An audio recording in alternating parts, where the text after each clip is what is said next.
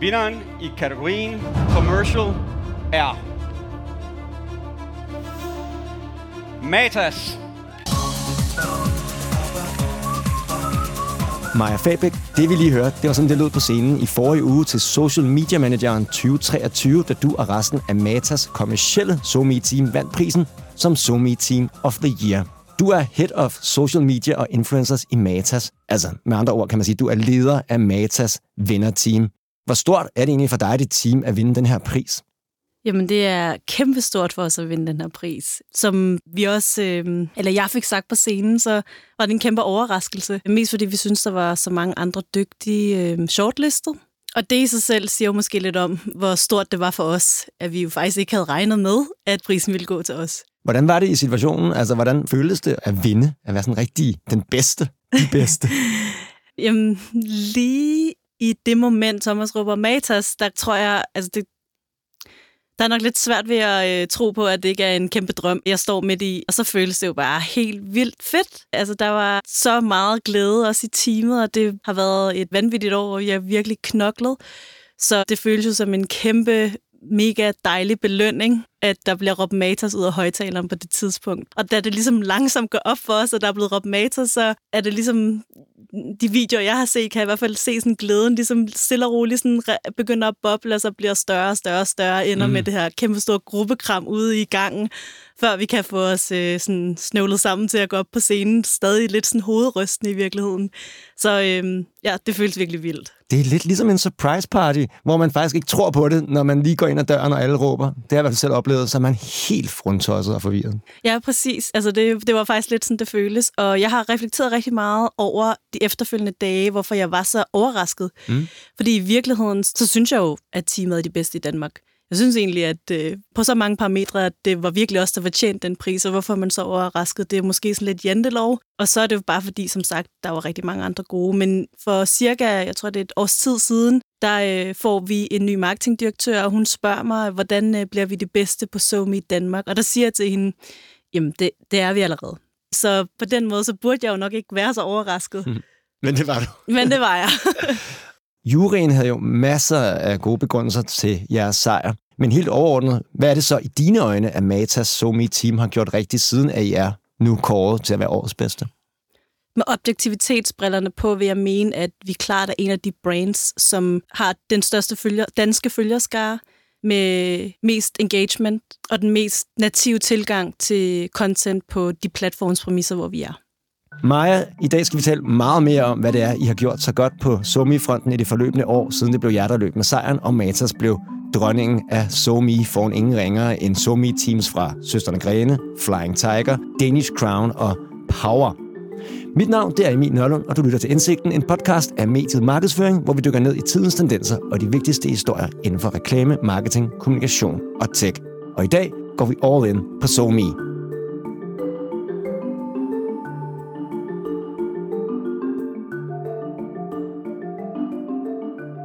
Maja, I sikrer jer blandt andet titlen som årets kommercielle Somi-team på baggrund af en række stærke resultater, I har opnået i 2023.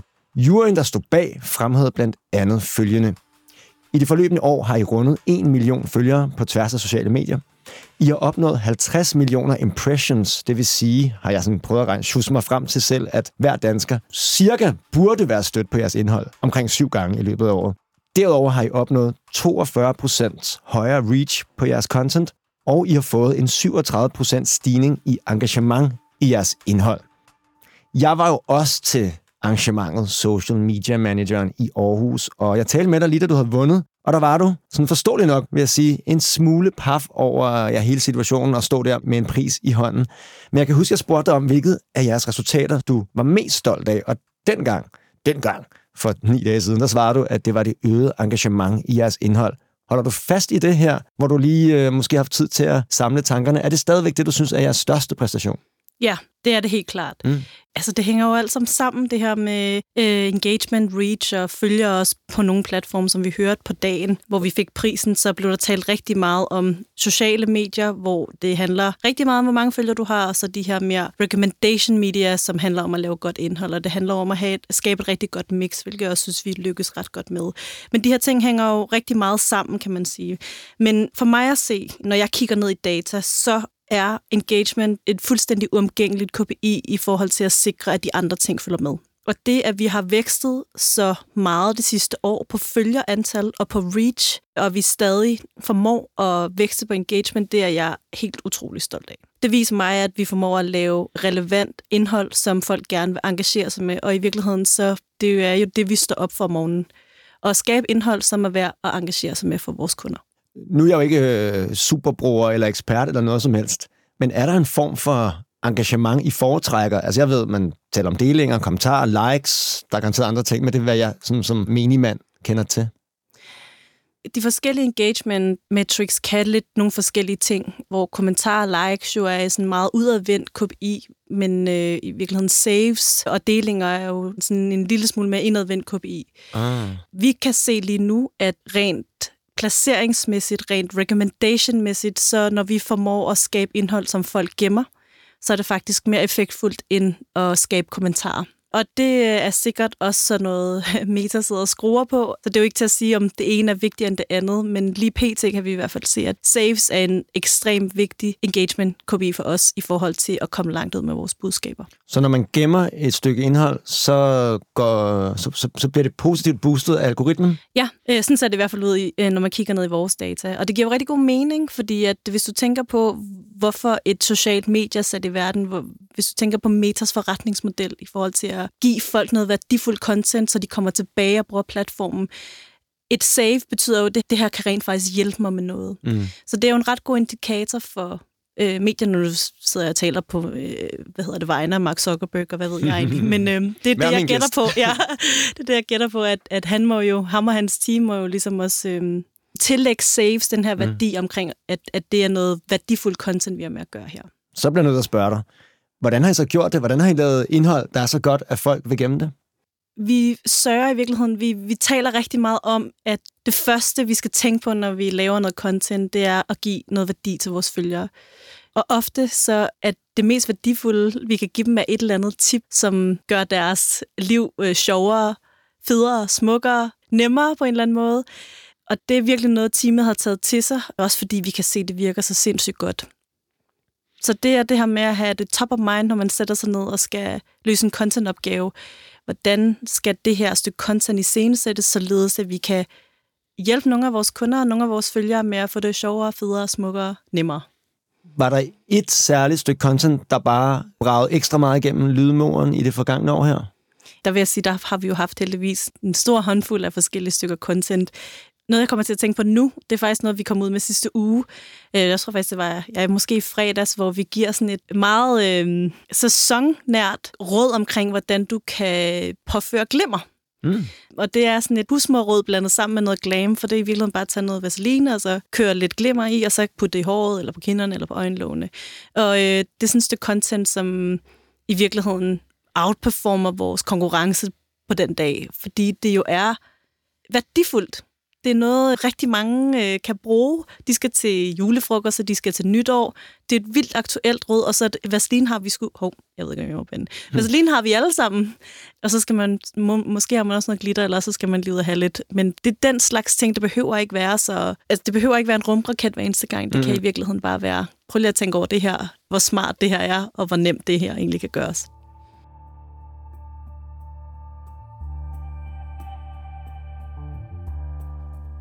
Er der nogle nye teknologier eller nogle værktøjer, som I har brugt på en ny måde eller integreret i jeres SOMI-strategi for at, at blive mere effektiv og skabe mere engagement, eller er det mere indholdet i sig selv? Vi bruger et performance-tool, hvor vi også kan analysere på en masse brugergenereret data i platformene.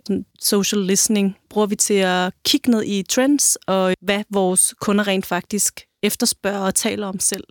Det har været en game changer for, hvordan vi ligesom går til content. Og så har vi selvfølgelig øh, kigget ind i, hvordan vi kan bruge AI til at øh, både komme med forslag til contentvinkler og skrive copy, og øh, søge os frem til Altså, meget af vores content er jo, hvis, hvis man virkelig skal kode det ned til knorterning, så er det jo sådan, du skal tage den her creme på, den er sindssygt god, og hvor mange forskellige historier kan man fortælle omkring det. Det øh, har vi også øh, søgt lidt inspiration i øh, AI-tools på, og det er jo ikke sikkert, at det lige er ChatGPT eller derovre, der kommer med løsningen, men nogle gange så er det rigtig fedt at få noget indspark, som så gør, at man kan tænke en rigtig tanke, eller den nye tanke, eller hvad man siger. Det er sjovt, du siger det, fordi jeg har faktisk øh, i dag for første gang prøvet at smide mit øh, manus til denne her podcast ind i ChatGPT for at se, om der var nogle vinkler, jeg manglede. Og den kom med nogle sindssygt gode ekstra vinkler. Så øh, jeg er med dig på den der. Ja, men det er et, øh, det er et ret powerful tool, og det, er, som jo også er spændende for os, det er jo at sidde og blive bedre og bedre til at skabe de rigtige prompts i forhold til at øh, få den rigtige hjælp, altså få den værdifulde hjælp ud af ChatGPT, så det ikke ender med, at alle beauty retailers laver det samme post omkring den her nye creme med hyaluronsyre.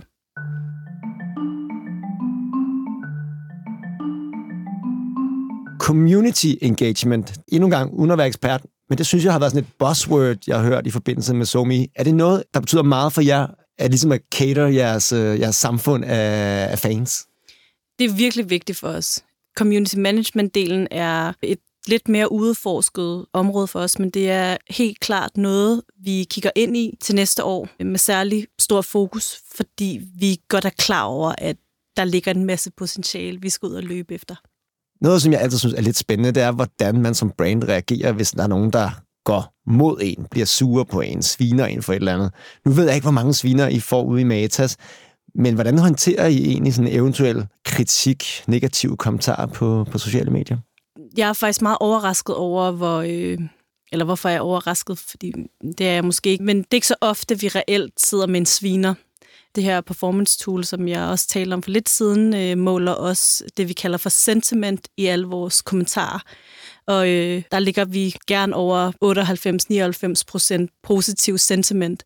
Så langt de fleste kommentarer, vi får, er positive eller neutrale, hvor folk spørger om, hvor min point eller hvor bliver min pakke af. Øh, der er meget lidt af det, som decideret sviner. om. Min filosofi er klart, at det, man ikke vil finde sig i face-to-face, det behøver man heller ikke finde sig i på sociale medier. Så lige så vel som man ikke behøver at stå i supermarkedet og øh, tage imod alle mulige verbale overhalinger af folk, der må man godt dreje om på hælen og gå. Sådan har jeg det også lidt på sociale medier. Der må man gerne i virkeligheden øh, bruge øh, blokér-knappen rimelig øh, gavmildt, men der, hvor der rent faktisk er konstruktiv kritik at hente, der synes jeg, vi er særdeles gode til at reagere hurtigt. Øh, lægge os fladt ned, hvis vi har begået en fejl, for det selvfølgelig begår vi også fejl. Øh, jeg synes, det er sindssygt vigtigt at være åben for at høre på den konstruktive kritik, der kommer ind, for det er kun på den måde, vi bliver bedre. Både til at tale med vores kunder, men også at få budskaberne ud på de rigtige måder. Der er sindssygt meget velvilje i Matas til at gøre det rigtigt. Jeg kan se, altså vi, vi har været ude med tættere på, vi har været ude med øh, hver der selv på egne præmisser, og alt det, sådan, det vil vi jo også gerne støtte op om på sociale medier. Og langt hen ad vejen tror jeg på, at, at der bliver man nødt til at, at lytte, når folk kommer med konstruktiv kritik, så vi også kan blive bedre til at skabe en rigtig formidling på de mange budskaber, vi gerne vil ud med. Og tættere på at være på dig selv på egne præmisser, det er kampagner, I har Det er kampagner. Branding-kampagner, ja. Check.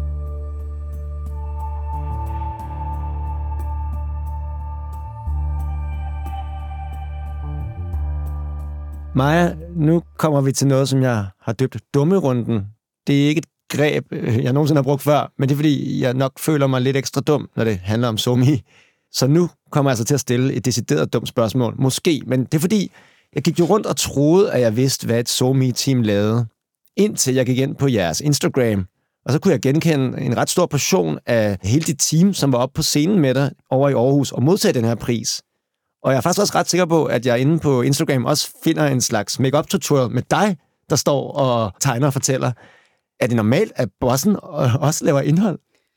Altså, øh, det ved jeg ikke, om det er normalt, men øh, der er jo en meget, meget øh, flad struktur, især lige mit team. Jeg er langt fra den jeg, jeg tror ikke, at jeg sådan er den traditionelle boss-boss, så det ved jeg ikke. Jeg skal ikke kunne udtale mig på øh, vegne af alle mulige andre somi teams Men øh, i vores team er det i hvert fald sådan, at vi hjælper hinanden der, hvor der er behov for det. Og står vi i en situation, hvor at der er behov for, at øh, jeg hjælper med at lave et content, så gør jeg selvfølgelig det. Vi øh, talte om sidste gang, vi mødtes, at jeg har jo været i Matas lang tid. Og øh, da jeg startede Matas, så var jeg lidt sådan somi enmands her i mange år, så jeg er jo vant til at øh, skulle øh, samle kameraet op og så lave content selv. Og nogle gange så er det bare øh, meget fedt og så hive sig, altså tumle ud af helikopteren, strategihelikopteren, og øh, være super hands-on på de medier. Det, det tror jeg så er den bedste måde ligesom at holde sig opdateret med, hvad, hvad der rent faktisk foregår, og, og hvad ens medarbejdere rent faktisk sidder med til daglig, hvor lang tid tager tingene, hvilke udfordringer har de også, øh, hvilke forventninger kan vi skabe sammen til hinanden. Det har jeg også svært ved at byde ind med, medmindre jeg nogle gange selv ligesom sætter mig i creatorstolen. Det giver mening. Der er nok ret mange chefer, der kunne øh, bruge lidt mere tid på gulvet. Men er alle i dit team nogen, der også laver content, hvor de selv er på? Nej, ikke alle, men der er rigtig mange af dem, og de er sindssygt dygtige til det. Det er jo også sådan lidt, øh, vi kan godt lide det her med, at nogen er managers, og nogen er videografer, og nogen er noget andet. Og jeg tror i virkeligheden i SOMI-disciplinen, øh, så er det ret vigtigt, at du på en eller anden måde har et begreb, om ikke andet, omkring hvordan content også skabes. I mit team er der en kæmpe passion for det. Vi har et par stykker, som kører deres eget Instagram, influencer, øh, ved siden af? Ja, ved siden af, som jo brænder for at lave content, og som er helt mega sindssygt dygtige til det. Og har, altså, bare for at være fuldstændig ærlig, jo også noget af grunden til, at man har fundet dem, og har tænkt, at de var, de var de rigtige til at bidrage til den. Mm. Nu vil jeg tillade mig at sige, succes, vi har fået. Mm. Mm. Er nogen på dit team så decideret kendte influencer, eller øh, er der forskel på de kendte influencer på det team, og så når I hyrer en rigtig banger, en rigtig, øh, rigtig kendt en, ikke? Mm, nej, det, vil, altså, måske, det tror jeg ikke, der er. Jeg tror faktisk, det er jo, øh, også fordi Danmark er så der lille. Øhm, nogle af dem, som sidder i mit team nu, er helt sikkert nogen, jeg ville have ragt ud til for at samarbejde med dem, hvis ikke de sad i teamet. Det er jo sindssygt dedikerede mennesker, som også glædeligt poster omkring både den her pris, men i virkeligheden også deres dagligdag i Matas. Og det kan man jo på ingen måde forvente, men det er jo mega fedt at se den slags sådan, dedikation.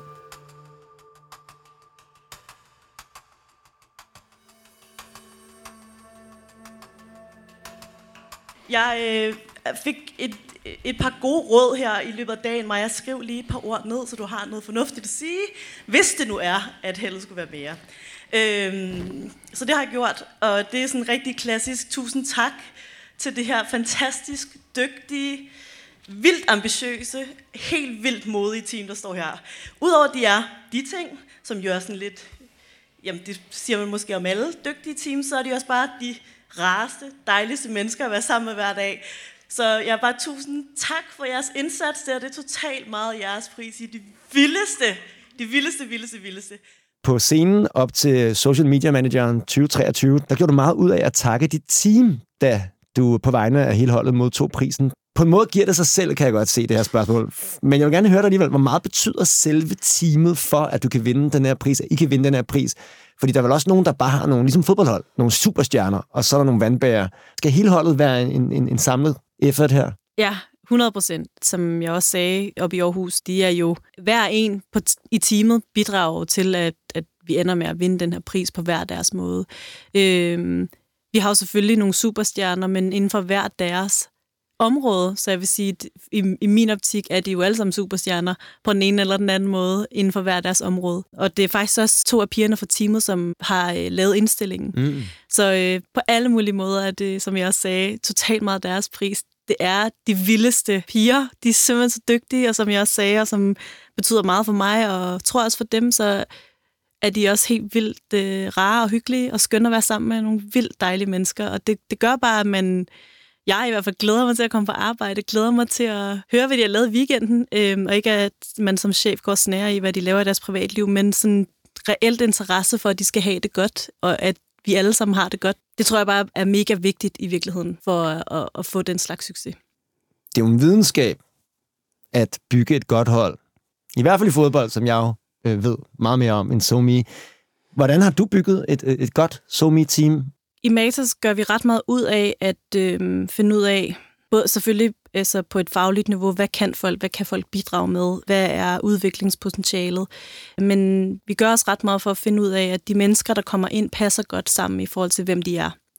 Og det har øh, vi en sindssygt dygtig HR-afdeling, der sidder og hjælper med, så, så det er der jo også blevet taget rigtig meget højde for i forhold til dem, der var der, i forhold til mig som leder.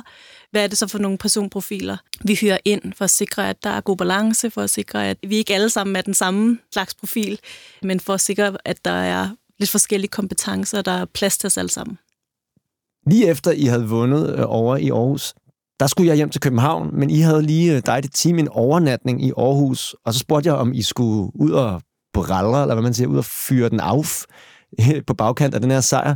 Men så sagde du, at ja, det virkede ikke helt sådan, fordi der var mange af, af på holdet, der gerne ville hjem til på hotellet og lave content. Er det meget sigende for dit team, at det her det er super vigtigt? Ja, det er det. Det var nok helt sådan, det, det kom til at, at, at foregå. For vi tog og spise og havde en vildt hyggelig aften, og så mødtes vi med nogle af vores øh, kongolegaer, hedder det vist, på en vildt hyggelig bar. Og øh, der blev ikke lavet så meget content, men de er enormt dedikerede, og grund til, at jeg tror, at jeg sagde sådan, var, at jeg havde øh, nogen fra teamet afsted med et brand tidligere på året, og der øh, benyttede de virkelig muligheden for at få lavet lækker content fra de her hotelværelser. Så øh, så det, det var sådan en lidt sådan en assumption fra min mm. side, at, at det kunne sagtens være, at, at det var det, de skulle. Så de kan, kan sagtens feste? Ja, og glemme arbejdet feste. lidt? Ja, det kan, de, det, det kan de godt. I begrundelsen for jeres SoMe Team of the Year sejr, der skriver juryen blandt andet, Matas social media team imponerer med en effektfuld og målrettet strategi. Gennem trendfokuseret indhold, TikTok-optimering og influencer-samarbejde har de fordoblet deres sociale medietilstedeværelse. I dine øjne, Maja, hvor har I så rykket jer mest i 2023? Er det i forhold til trendfokuseret indhold, eller er det TikTok, eller er det på influencerfronten? I 2023 har vi rykket os rigtig meget på influencerfronten, mest fordi at det er faktisk først i 2023, vi begyndte at arbejde målrettet strategisk med influenter. Men i forhold til sociale medier og den strategi, vi har der, så vil jeg sige, at det, der har gjort den største forskel, tror jeg, er, hvordan vi har arbejdet med trends. I virkeligheden har vi gjort øh, det, at vi har arbejdet meget trendfokuseret på meta-platformene, Instagram, Facebook, mm. hvor vi har gjort rigtig meget ud af at hoppe med på de trends inden for vores respektive kategorier, altså forskellige makeup trends, forskellige skincare trends, sundhedstrends. Men på den meget trendborgende platform TikTok har vi jo egentlig valgt at gå mere originalt til værks og lavet nogle originale koncepter i stedet for at have en meget, meget trendfokuseret strategi. Og det tror jeg har hjulpet os rigtig meget. Og der har vi i virkeligheden vendt vores trendfokus 180 grader fra 2022, hvor der havde vi faktisk modsatte trendstrategiske fokus på de to platforme, hvor vi kørte meget trendfokuseret strategi på TikTok, og hvor vi kørte meget mere originale koncepter på meta-platformene. Mm. Og det skift har virkelig, virkelig hjulpet os meget og gjort, at vi har et, et meget højere stabil benchmark på begge platforme, rent organisk. Hvordan fandt I ud af, at det var det rigtige at gøre?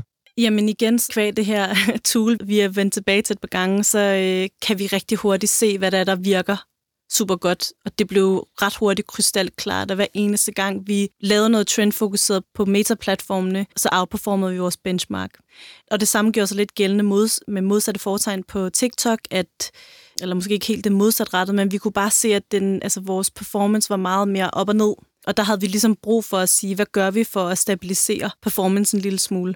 Og der øh, kiggede vi ind i, hvad gjorde nogle af de dygtigste i verden, vi følger på TikTok, i forhold til at sikre en stabil performance. Og der så vi bare, at flere og flere byggede de her originale koncepter.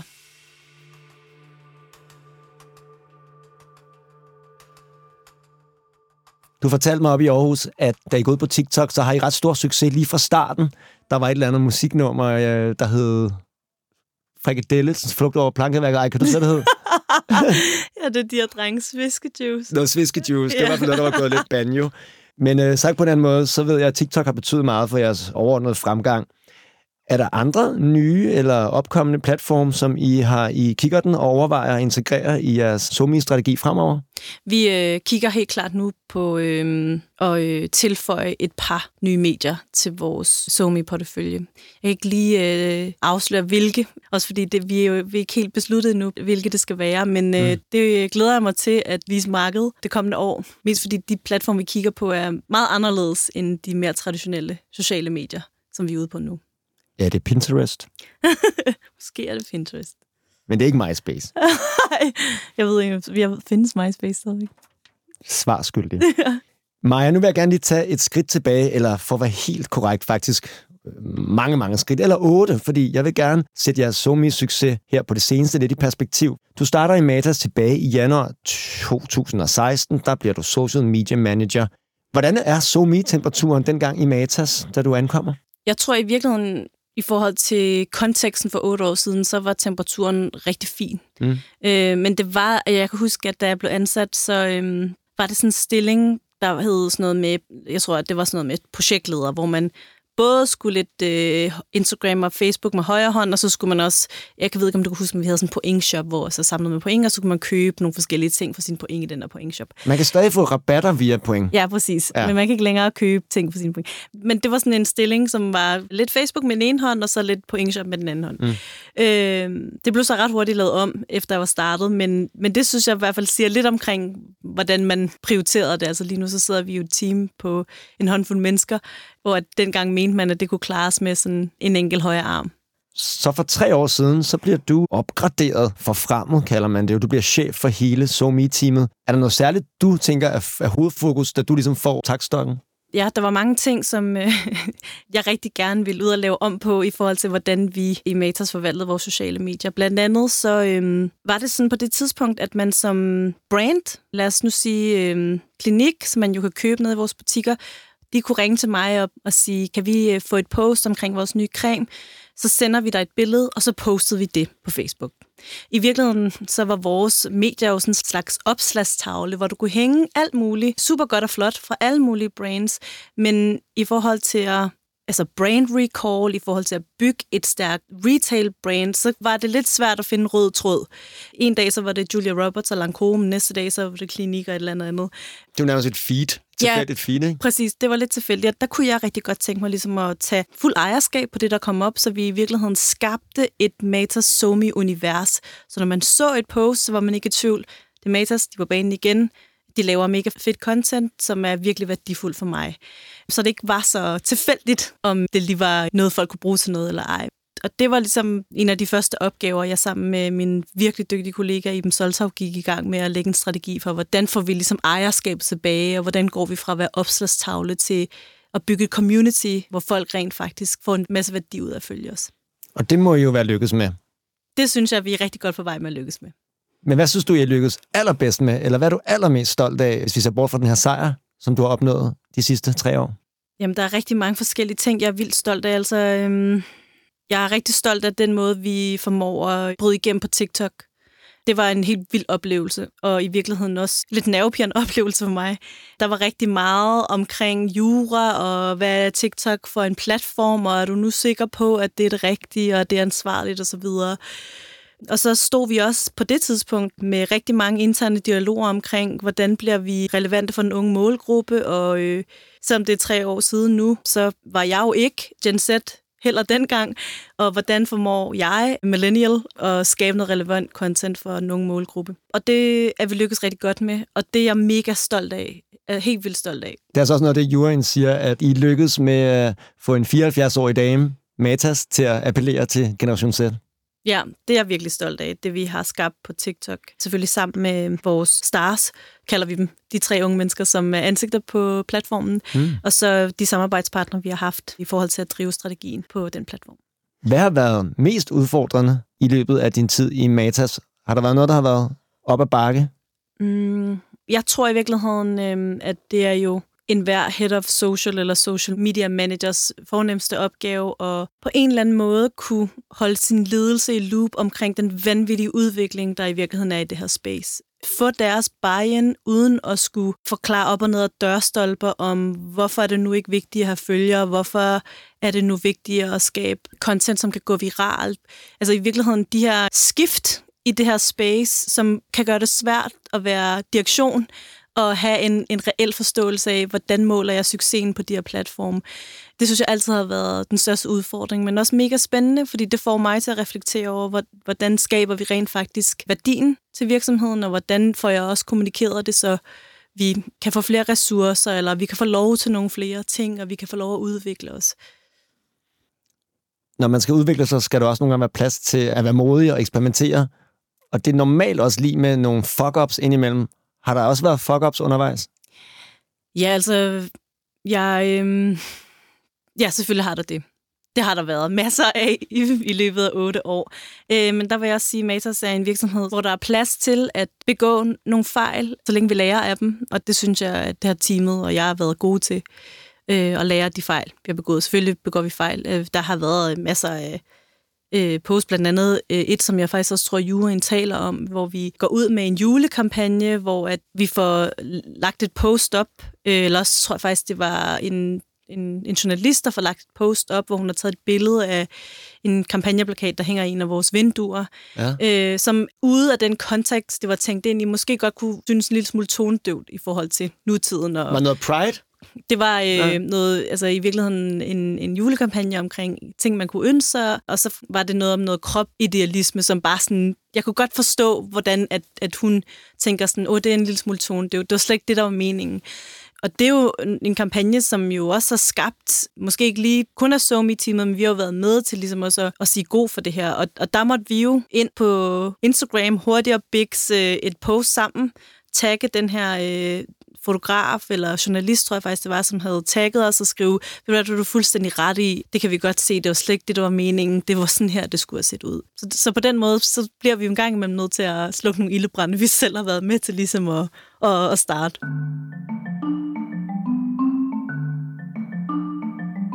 Maja, hvis vi nu skruer tiden frem til i dag. I har kæmpe succes. I er landets mest succesfulde somi team lige just nu. Hvordan overgår I det her? Kan I blive bedre? Vi kan hele tiden blive bedre, også i forhold til det, vi lige talte om med, at det her space udvikler sig så vanvittigt hurtigt. Så jeg vil næsten sige, at vi, vi bliver nødt til at blive bedre nærmest på daily basis for at bare kunne holde en eller anden form for sådan nogenlunde standard på det, vi udkommer med.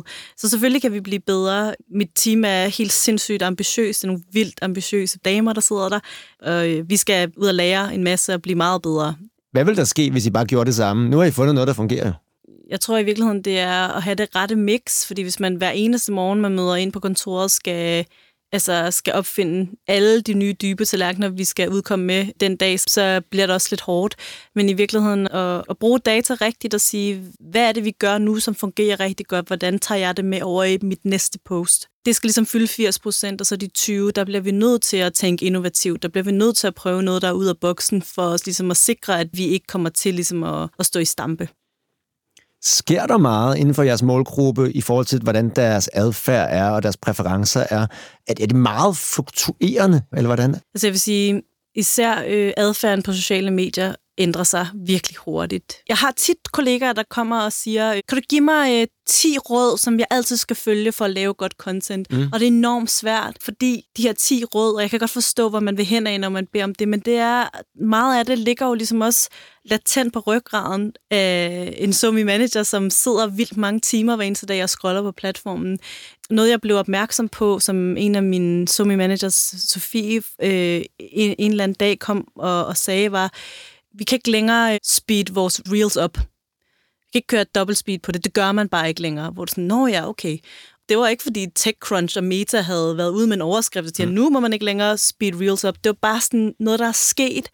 Sådan nogle ting sker der hele tiden med content, at øhm, sådan gør man bare ikke længere. Det er jo ikke nogen, der er jo ikke en eller anden king of content, som har været ude og sige det. Det er jo bare sådan en eller anden kollektiv adfærdsændring, alle creators ligesom køber ind i lidt på samme tid. Og der skal man bare have sindssygt meget finger på pulsen, a.k.a. sidde med næsen i content rigtig, rigtig mange timer om dagen, for ligesom at opdage det der.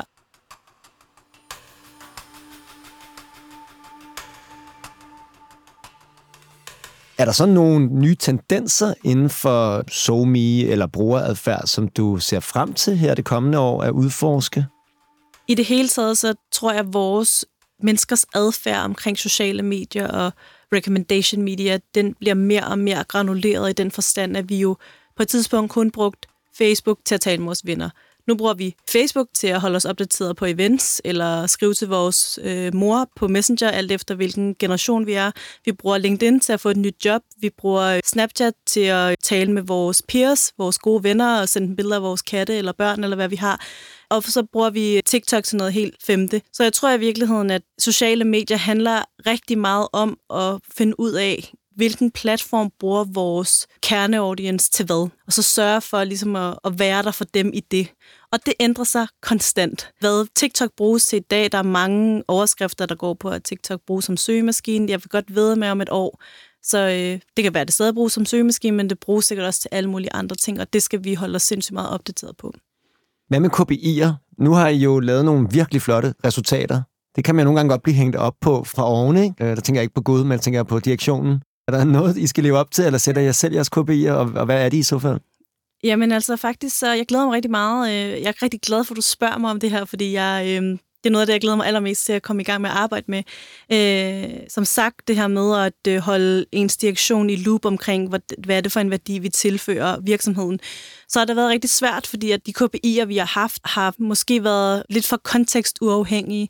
Så øh, vi kommer til at arbejde øh, med et nyt sæt KPI'er, et Share Voice KPI, som i virkeligheden handler om, hvor mange samtaler på sociale medier i dag har handlet om Matas. Det tror jeg er et rigtigt KPI i forhold til at være så relevant som overhovedet muligt som brand. Så skal man selvfølgelig sikre, at de samtaler, der er, har en neutral, om ikke positiv sentiment, så det hele ikke handler om, at vi er super træls, men at vi i virkeligheden er gode og seje og, og hjælper vores kunder til, hvad end de kunne stå med af problemer, som vi kan hjælpe med at løse.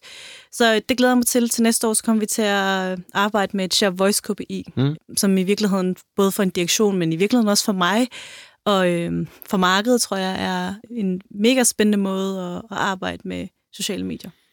Nu er jeg jo først kun lige begyndt at følge jer på SoMe, og kun øh, indtil videre på Instagram. Og det kan godt være, at jeg er en lille smule metroseksuel, i hvert fald mere end gennemsnittet i Danmark. Men jeg køber mine ting i Matas alligevel, selvom jeg ikke har set noget af jeres indhold.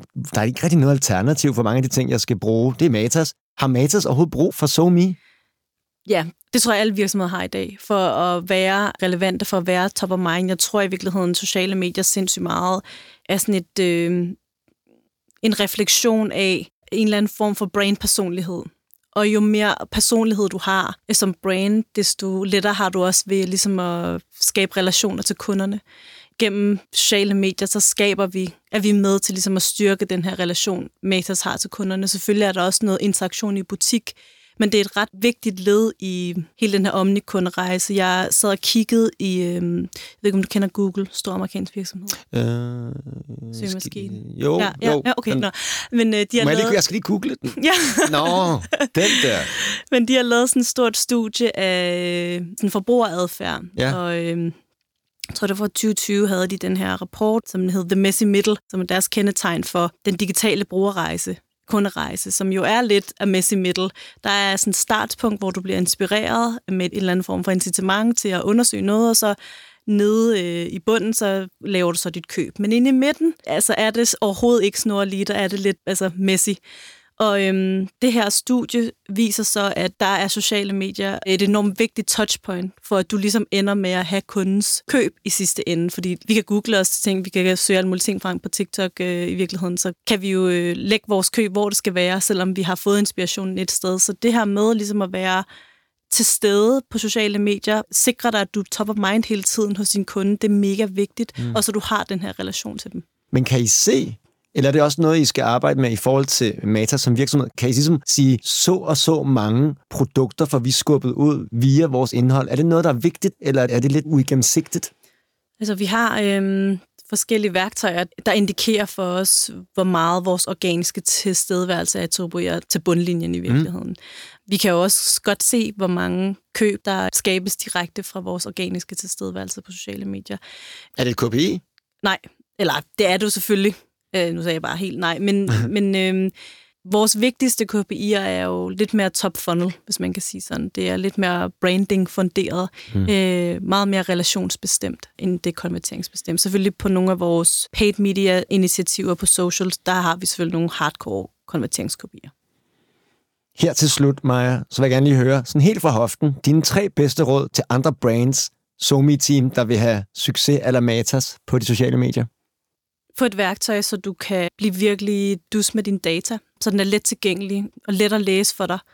Lav en virkelig målrettet strategi, og der er jo sådan med strategier, at det er en masse planer, man lægger, øh, og de er nogle gange lidt svære at følge, for der sker en masse ting. Men lav en fokuseret strategi, som ikke er, især på sociale medier, ikke er alt for bundet i nuet, fordi det forandrer sig hele tiden.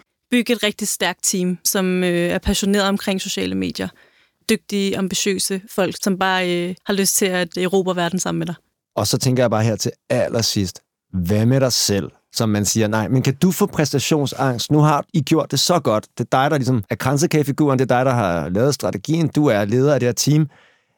Er det lidt nøjeren for dig at skulle leve op til de her gode resultater?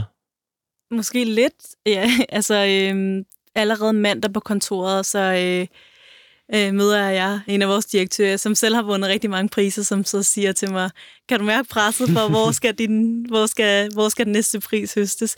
Så ja, det, jeg kan da godt gå og tænke lidt over sådan, Nå, men hvordan sørger vi lige for at lave en, en follow-up på den? Men øhm, jeg tror i virkeligheden, at øhm, nej, præstationsangst, tror jeg i virkeligheden ikke, jeg har. Og hvorfor har jeg ikke det? Jeg tror i virkeligheden, det er, fordi jeg er sindssygt fokuseret på, at vi skal lære noget. Selvfølgelig vil jeg gerne opnå nogle resultater, men det har jeg ret meget ro i maven omkring, at, at det kan vi godt. Mest fordi det team, jeg arbejder i, er sindssygt dygtige, men også fordi vi har en ledelse, som virkelig bakker os op. Har nogle vildt dygtige kollegaer rundt om mig, så jeg har på ingen måde en følelse af, at jeg gør det her helt alene. Jeg har nævnt Iben allerede i den her podcast. Jeg vil også gerne nævne Rie øh, Slot Rasmussen, som er vores creative lead, head of creative. Og det er jo rigtig meget et samarbejde mellem hende og jeg, der også har gjort, at vi overhovedet er kommet dertil, hvor, hvor vi er i dag. Altså det, øh, på LinkedIn skrev jeg også, at det her var sindssygt meget rigspriser, så der er det virkelig også, hun har været, virkelig været med til at hjælpe os meget med den sådan, visuelle udvikling, vi har haft det sidste år. Så på den måde tror jeg, at hvis det var bare mig helt alene, og kun mine tanker, og kun det, jeg kunne, kun mine kompetencer, der skulle drive værket frem, så tror jeg, at jeg ville have det mere præstation ængstligt, end jeg har, men det er en kæmpe holdindsats. Skal vi så sidde her om et år og lave en podcast, hvor I har vundet endnu en gang? Mm, det håber jeg da. Jeg ved ikke, om man må vinde den to jeg, gange. Jeg sad også lige og tænkte på det. You tell me, fordi må man vinde den to gange? Det er i hvert fald ikke sket endnu, men altså, man kan godt vinde Champions League flere gange i træk, så hvorfor ikke? Jamen, det er rigtigt. Tak for at komme og fortælle om Matas og din vej til toppen. Maja Fabæk, Head of Social Media og Influencers i Matas. Selvfølgelig, Emil. Jeg kommer gerne igen. Du har lyttet til Indsigten, en podcast af Mediet Markedsføring. Hvis du har kommentarer til, hvad du har hørt, eller måske ligger inde med en super god idé til et tema, vi kan tage op her i podcasten, så skriv en mail til mig på en Ø bliver til O. Tak for din øre for nu. Mit navn det er Emil Nørlund. Vi høres ved. Og må du have en rigtig velsignet jul.